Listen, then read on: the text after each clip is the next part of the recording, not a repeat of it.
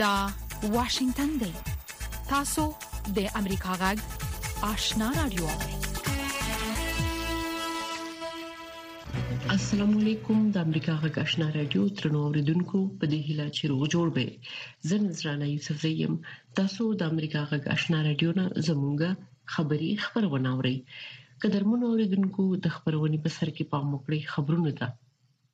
السلام علیکم درنو اوریدونکو ستړي مشئ زه زیبا خادم یم دا د امریکا غږ آشنا رادیو خبرونه ده د نړۍ د دې ساعت خبرونو ته تاسو پام را اړوم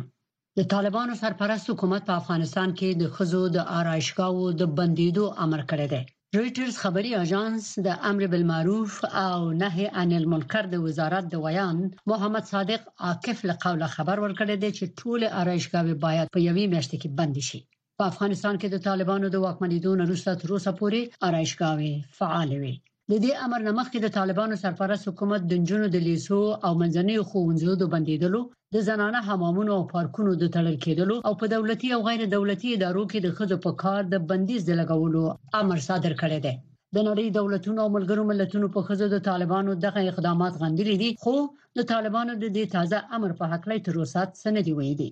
د خوړو د نړیوال پروګرام اداره ډبلیو اف پی وایي چې د افغانستان سره د هند د غنمو د مرستې یو جوپه چې لس زره متریک ټنه ده د هرات ولایت ته رسیدلې ده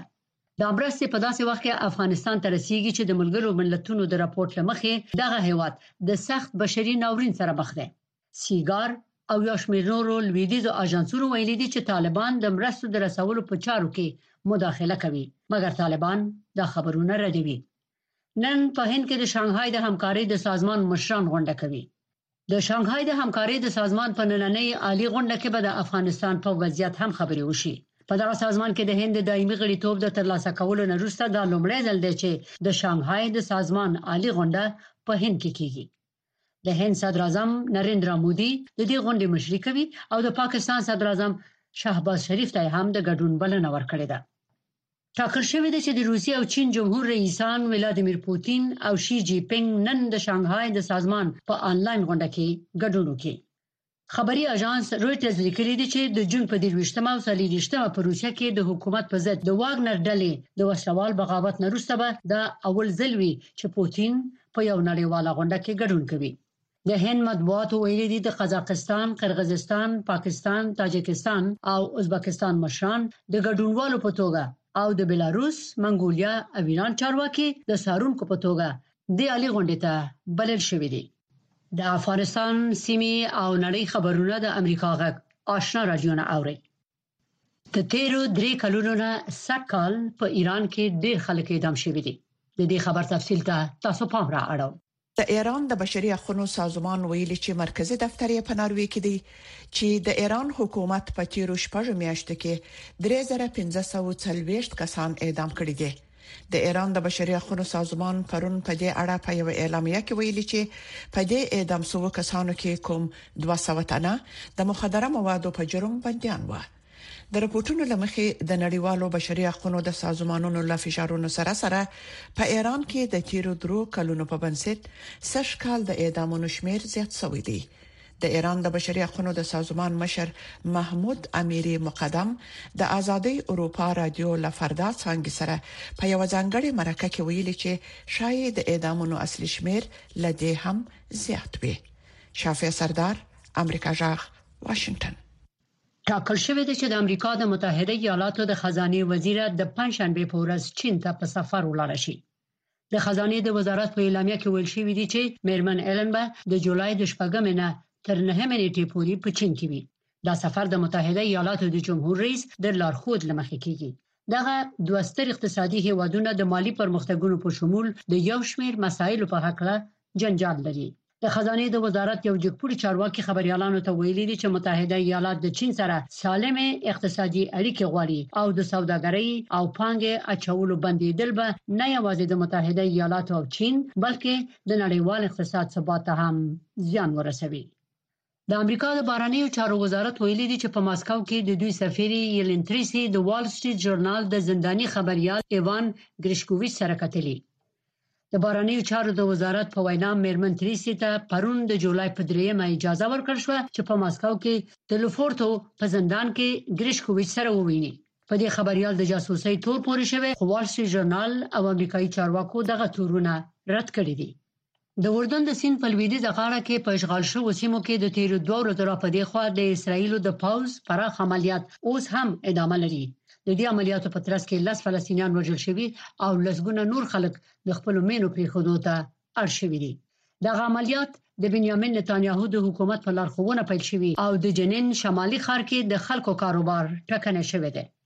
د اسراییلو پوځ وایي چې د جنین په ښار کې د دهشتګرۍ ضد عملیات دوام لري او د مهاجرو په یو کمپ کې د چاودونکو موادو د یو انبار په له منځه وړلو کار کوي. د فرانسې جمهور رئیس ایمانوئل مکرون د سې شنبې په ورځ د دې هېواد د دوه سوه او شل ښارونو د ښاروالانو سره وکتل. دا ښارونه په پاریس کې د پولیسو له خوا د یو اوولس کلن ځوان د وژل کېدو نه وروسته په تیرو شپږو شپو کې د خلکو د اعتراضونو له کبله زیانمن شوي دي. د فرانسې د کورنیو چارو وزارت ویلي دي چې معترضینو په نهه اویا ښاري تالارونو، ښوونځیو، د پولیسو په حوزو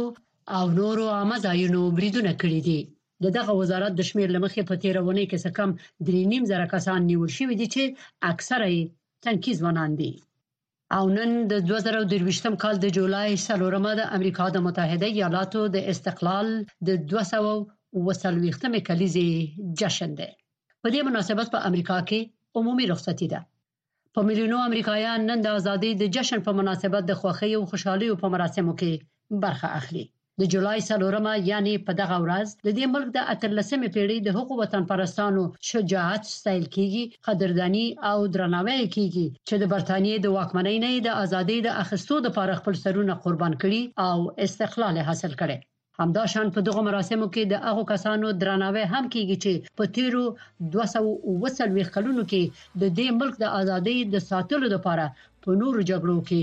وژل شوې دي زیبا خادم امریکا غږ واشنگټن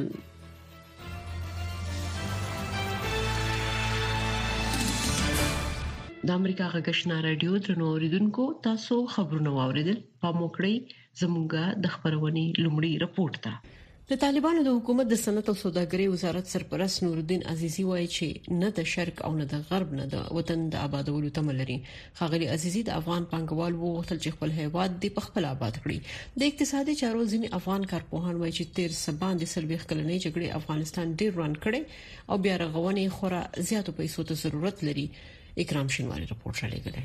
د طالبانو د حکومت د صنعت او سوداګرۍ وزارت سرپرست نورالدین عزیزي د سې شنبې پر ورځ کابل کې د پکیری سټیل په نوم د یوې فابریکې د پرانیستو غونډې ته په وینا کې ویل چې د حکومت پالیسي دا ده چې د افغانانو پرته افغانستان د شرق او نه هم د غرب په مرسته جوړېدی شي نو د همدې لامل د افغان سوداګرو او پانګوالو څخه ملاتړ د دوی د پالیسي عمده برخه جوړي تا وخت کې انقلاب صنعتي نه بیا تا وخت کې انقلاب داخلي تجارتي نه بیا تا وخت کې انقلاب معدن ما شما آغاز نکنیم و اورم به کمک کمپنی های داخلی ما و شما خدا زور شای هیچ وقت سر پای خود استاد نمیشیم. د پکتیزي سټیل فابریکه د لس میلیون ډالرو په پانګونې فعالیت پیل کړی دی چې د اوسپنې ویلي کولو د فابریکو د ټولنې د مشر عبدالبصیر ریښتیا د معلوماتو له مخې په دغه فابریکه کې به اووه سوه کسانو ته د کار کولو زمینه برابره شي. د دې فابریکې د پرانیستو غونډې ته د افغانستان د سوداګرۍ او پانګونې د خونې د مدیره پلاوي غړي خانجان الوکوزي وویل چې د خلکو، حکومت او سوداګرو او پانګوالو ترمنځ د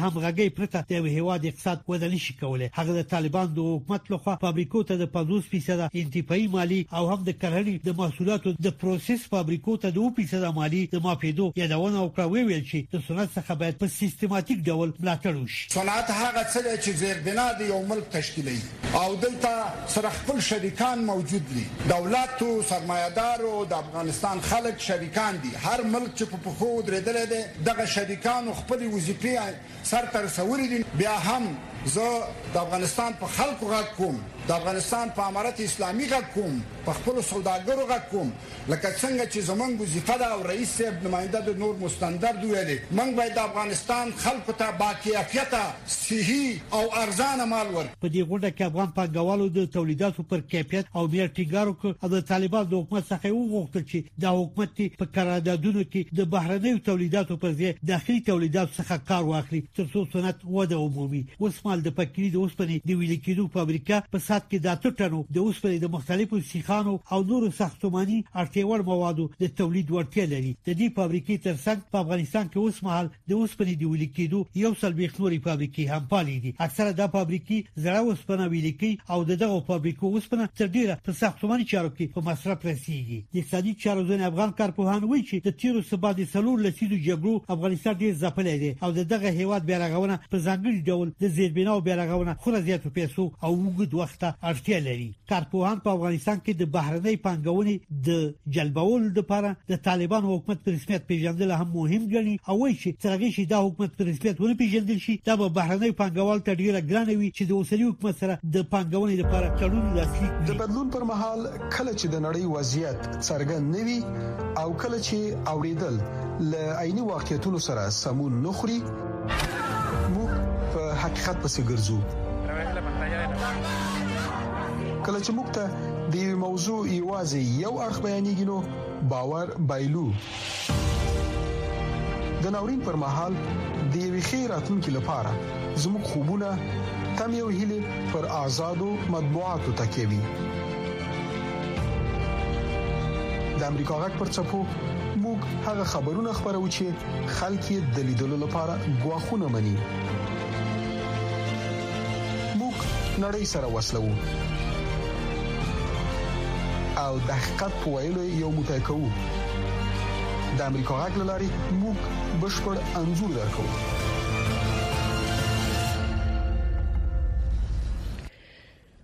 پرون سه شنبه په هند کې د شانګهای د همکارۍ سازمان سرمشريزه او شو د دغه غونډې موخه په سیمه کې امنیت او اقتصادي پراختیا خول شوې هند او پاکستان دواړو ویلي چې افغانستان یو مهمه اندېښنه ده هند په شانګهای کې د دایمي غړیتوب لاسه ترلاسه کول وروسته د لومړي ځل لپاره د دغه سازمان د سرمشريزي کوربه دی پام وکړئ د رپورت ته نن د هند په قربتوب او د هند د لومړي وزیر نریندرا مودي په مشرۍ د شانګهای د همکاریو سازمان درويشتمه سرمشريزه پیل شو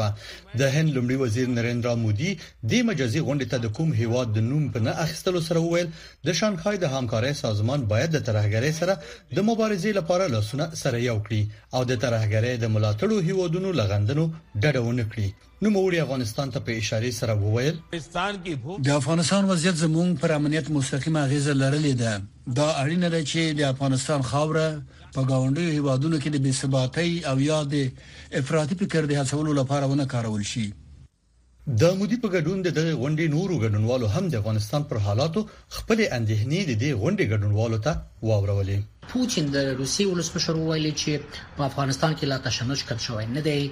د قزاقستان ولسمشر بل څرګندونه درلوده چې غواړي یو مرکز د ایجاد کې په خپل هیواد کې ترڅو بشري حقوق کومکونه د هغې ځنه افغانستان ته ولېږول شي همداراز میرزیایف د ازبکستان ولسمشر وویل چې طرفدار د دې چې هغه کم فرمات چې په خوای شتون درلوده لکه مشورتي شانهای افغانستان فرمات هغه دې د سره ونیول شي همداشان د تاجکستان ولسمشر څرګنده کړه چې په افغانستان کې د مخدره موادو کچه ډیره لوړه شوې ده په هر ترتیب لیدل کیږي چې د منطقي هوادونو او د سازمان د د د شانهای د سازمان غړي په افغانستان نشي هیرولای او افغانستان یو مرکزی عنصر دی د دې سازمان په چارو کې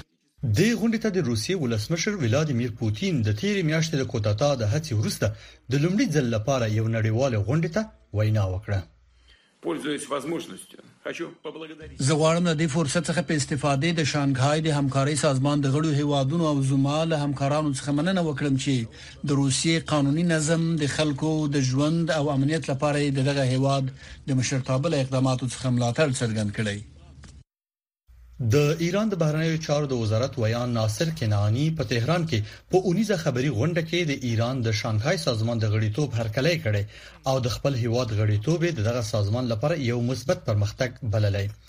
چین، روسیه، قزاقستان، قرغزستان، تاجکستان، ازبکستان، هند او پاکستان د شانګهای د همکاریو سازمان اصلي غړي وو چې سږکال ایران هم ورزیات شو. همداشان بیلاروس، منګولیا او افغانستان د دې شرمښځیزې څارونکي غړي دي چې د طالبانو له واکمنیدو راهیسې افغانستان نه دی وربلل شوی. په دې هکله موږ له طالبانو چارواکو سره بار بار اړیکې ونیولې خو تر دې دمه یې په دې اړه خپل غبرګون له موږ سره نه دی شریک کړی. احسان الله علیوزی امریکا غږ واشنگتن امریکا یو له هغو هیوادونو څخه چې د نړۍ له ګوټ ګوټ څخه د بیلابیلو کلتورونو دودونو ملیتونو او ارزښتونو کوربه دی په امریکا کې ژوند او دلته مهاجرت کول لکه د نورو هیوادونو په څیر خپلې ښېګڼې او سختۍ لري ځینې خلک په خپل هڅو او له فرصتونو په ګټې اخیستو خپل هیلو ته رسیږي او ځینې نور بیا له ستونزو سره مخ کیږي ژوند په امریکا کې هر جمعه د افغانستان په وخت د مازیګر له شپږو نه تر شپږ نیمو بجو او د ختیځ امریکا په وخت د سهار له نه نیمو تر لسو بجو ملګري ملتونه وایي چې لا هم افغانستان د نړۍ په کچه د اپیمو د تولید تر ټولو لوی تولیدونکو هیواد دی په افغانستان کې د ملګرو ملتونو د مرستندوی پلاوی دفتر یوناما مرستيال مارکو سپورتزل وايي په دې ورستیو کې د کوکنارو په کښت تولید او قاچاق د طالبانو بندیز له کبله د کوکنارو په کښت کې کمواله راغلی دی خغلی پوتزل وايي کچري په خزو باندې محدودیتونه هم د شاندوام ولري نو نړیوال ټولنې سره بل طالبانو اړیکې هیڅ کله خې نشي پام وکړئ د رپورټ ته. سره له دې چې طالبان د کوکنارو د لمنځه وړلو لپاره ژمنه کړې خو په افغانستان کې د ملګرو ملتونو د مرستندوی پلاوي دفتر یا یوناما مرستیال مارکوس پوتزل د ملګرو ملتونو رسنۍ سره په خبرو کې ویلي چې لا هم افغانستان د نړۍ په کچه د اپینو لوی تولیدونکي هیواد دی خو په دې ورستیو کې د کوکنارو پر کښت تولید او قاچاق د طالبانو لوري بندیز له امله د کوکنارو په کښت کې کموالی راغلی چې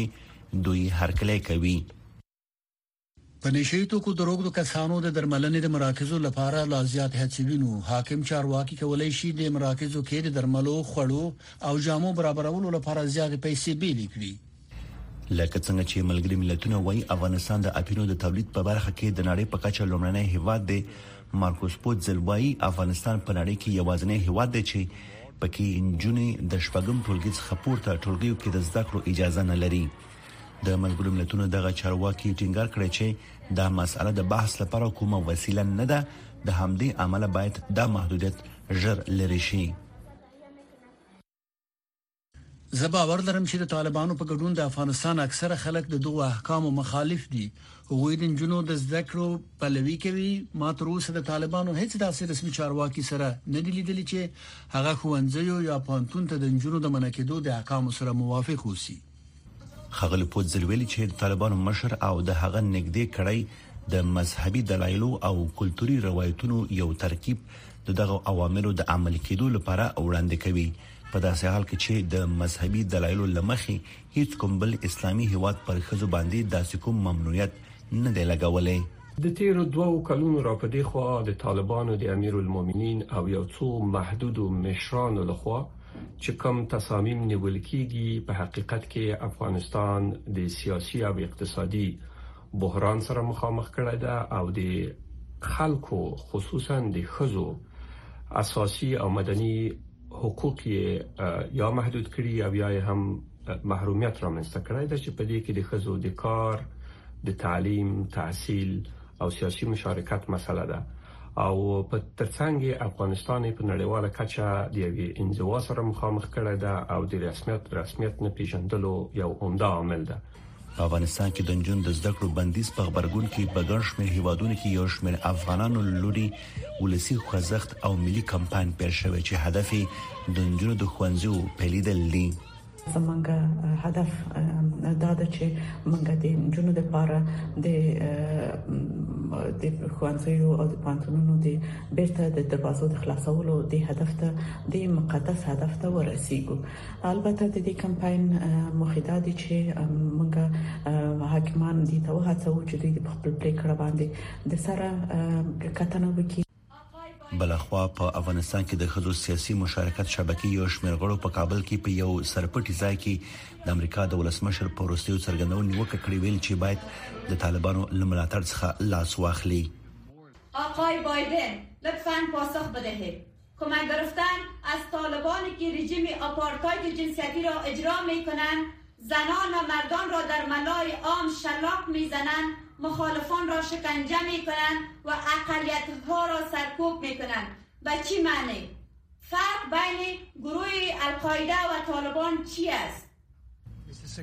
د بشري حقونو نړیوالو سازمانونو طالبان له لوري د میرمنو پر زده کړو او کار بندیز د خزو پر وړاندې یو سیستماتیک جنسیتي تبعیض یاد کړي او د طالبان څخه د دغه ټولو محدودیتونو د لری کولو غوښتنه کړې ده وحید فیضی امریکا غږ طالبانو د افغانستان له دننه د امریکا غاټ راډیو خبرونه درولې دي خو امریکا غاټ په پوره شمنتیا خپل افغان اوریدونکو ته په پښتو او دری ژبه د کره باوري او هررخیزو خبرونو په خبرولو د افغانستان له بهره په 902 کیلو هرتز منځنوي صفو خپل خبرونه ته دوام ورکوي د دې ترڅنګ تاسو کولی شئ چې زموږ پښتو خبرونه په لاندو ټکو هم واورئ پښتو سهارنې خبری خبرونه پر 2290.0 ټکو اوریدل شي ما خبرنې پښتو خبرونه په 2140.0 2015.0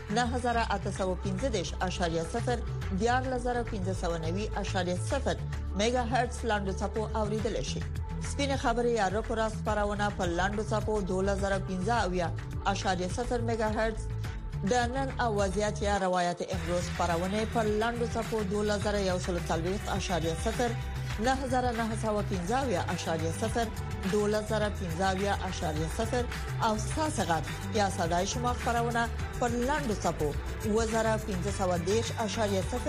9315 میگا هرتز اوریدل شي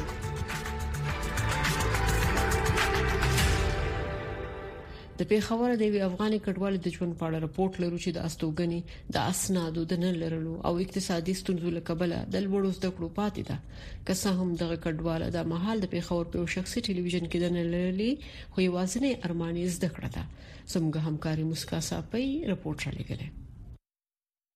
د میدان وردک ولایت اوسیدونکې 19 کلنه هانیه فهیمی اته کلنه و چې پاکستان ته کډواله شو او له 11 کلونو راهیسې په پیښور کې ژوند کوي هغه خپل دولسم ټولګي د پیښور په یو شخصي خونځي کې بشپړ کړي او غوښتل یې چې ډاکټر شي خو د مالی ستونزو او د کډوالۍ د استوګنې یا د اسنادو د نشټوالي لامل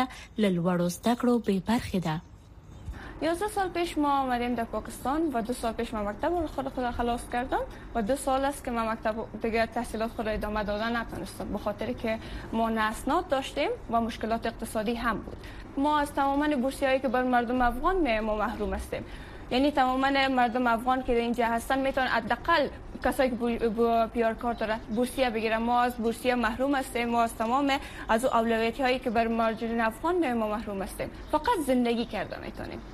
های امروزی از تلویزیون جهانی خیبر نیوز و من هانیه فهیمی در اول فقط خبر هانیه دا مهال د پاکستان په یو شخصي ټلویزیون کې د ویاندې او پروډوسر په توګه کار کوي هغه په کډوالۍ کې د فرصتونو د نشټوالي څخه ګیلمنه ده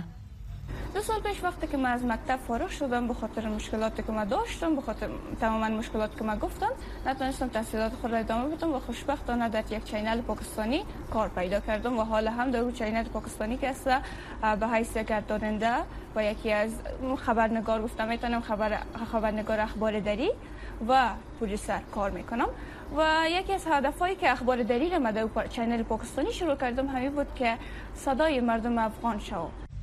د هانیه مشره خور یو ورور او پلار یې بې روزګاره دي، د هغې پلار وايي، په پېښور کې افغان کډوال له کړاونو ډک ژوند تېروي.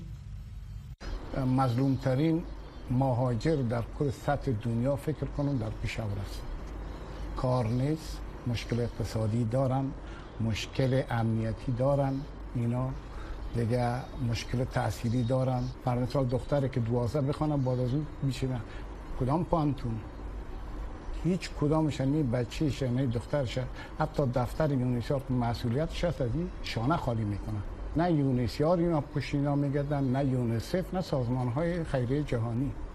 خب شما به این جواب بتین بودجه میگیریم چی کار میکنیم آینده اینا چی میشه دا مهال هانیه او د هغې یو ورور دنده لري چې د کور نغری یې پرې ګرم دی پاکستان کې پرته د استوګنې کارتونو او یا هم پاسپورت په پوهنتونونو کې داخله نه ورکول کیږي له همدې امله سلګونه افغان کډوال له لوړو زده کړو بې برخې دي خو تر دې دمه د دغو کډوالو کره شمیره معلومه نه ده که څه هم هانیه فهیمي ته په کډوالۍ کې پرته له اسنادو زده کړه ترلاسه کول اسان کار نه دی، خو دې هیله نه ده بایللې او خپل روښانه راتلونکې ته هوډمنه ده. موسکا ساپۍ، امریکا غږ، پېښور. متضاد اړخونه، بېلابېل دریځونه، د سپیناوي تود مخامخ بحث او په اخر کې قضاوت ستاسو پر مهمو سیاسي امنیتي اقتصادي او ټولنیزو مسایلو د افغانستان سیمه او نړۍ باندې د جوړ چیډنیز بحث مهمه ونیزه خبرونه هایل د هرې جمعې په ورځ د افغانستان په وخت د ماخام ونیمونه تر 8 بجو پورې د امریکا غږ د سټلایټ لارې په ژوندۍ بانه هایل د امریکا غږ د روانو چارو نوي ټلویزیوني خبرونه په هرات کې د خزو د سوداګرۍ او صنایعو د خونې مسولین وایي چې د طالبانو لخوا د خزو د کار او زده کړو د بندیز را روسته یو شمېر خزو او نجونو د لاسي صنایعو تولید ته مخه کړې ده د دې خونې په وینا په هرات کې د لاسي صنایعو د خزینه کارکونکو شمېر واک ته د طالبانو د راتګ راهیسي د سلويختونه د اویاو نه د 462 ته لوړ شوی صفی الله احمدزی په دې اړه رپورټ را لګل د خزینه جامو د جوړولو دغه کارځای د فریبا صدیقي له لوري هغه مهال پرانیستل شو چې هغه د طالبانو لخوا د مؤسساتو د خزینه کارکونکو د کار ممانعت لامل خپله دنده له لاسه ورکړه. هغه وایي دغه کارځای یې جوړ کړی چې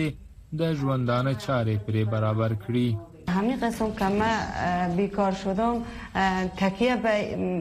دگرا کردم متکی به دگرا شدم باز هم انگیزی می بود که من خود ما بتونم از طریق علفه که دارم سرپا خوستاد شم و دگرا هم در کنار خود خو قرار دوم همی شد که ما کارگار باز کردیم در قدم اول ما همی کارگار از 6 لک افغانی به حساب سرمایه گذاری کردیم چون چند شعبه داشت په دې کارځای کې یو پنځوس تنه په کار بوختې دي چې اکثره یې زده کوونکې، زده کړیالانې او یا هم هغه میرمنې دي چې د محدودیتونو له امله خپلې دندې له لاسه ورکړې دي. په لویدیځه حوزه کې د ښځو د سوداګرۍ او صنایعو خونې مرستیاله وایي چې د طالبانو له واکمنۍ راهیسې د ښځینه صنعتګرو شمیر زیات شوی دی. در ابتدای کار وقتی که نظام قبلی سقوط کرد و نظام امارت آمد ما 70 نفر اعضای فعال به اتاق تجارت زنان داشتیم البته به کل اوضای غرب بعد که مکاتب بسته شد و محدودیت ها برای خانم ها به دیگه بخش ها ایجاد شد خانم ها بیشتر رجوع کردن به اتاق تجارت زنان ما حدود 462 نفر از اعضای فعال داشتیم به اتاق تجارت زنان که همه ثبت رجیستر بودن و در امسال که 1402 هست ما 307 نفر خانم ها آمدن جواز خود تمدید کردن و کارت عضویت خود تمدید کردن دغه میرمنې وایي له مجبوري د کار ته مخه کړې تر څو پرې بوختې اوسي. دوی زیاتوي، که اوزګارې په کور کې پاتې شي، کېدای شي د ډېرو سوچونو له امله په رواني ناروغیو اخته شي. بلخوا د هرات حوزوي روغتون د رواني مشاورې څانګې مسؤل وایي چې په رواني ستونزو او ژور خپګان اخته ښځینه مراجعینې زیاتې شوې دي. کېدای شي په لنډمهاله او اوږدمهاله کې دوی رواني مریضي ته ډیر مبتلا شي ځکه چې دوی مصرفیات نه لري په کور کې د باندې د دغه مصرفیات نه درلودو په خاطر دوی کولای شي چې د دغه ته مخ راوړي د اعتیاد مواد مخدر ته د دواګانو ته او دا یو شپه نه ده دا یو خطر ده فریبا د دری ادبیات او شریعتو کې د لیسانس اسناد لري خو اوس د خپل زده کړې خلاف خیاطي کوي وایي هیله یې دا ده چې د ښځو د تحصیل او کار پر وړاندې شته محدودیتونه لرې شي او وشي کولای د خپل سواد له لارې ټولنې ته خدمت وکړي صفی الله احمدزی امریکا غږ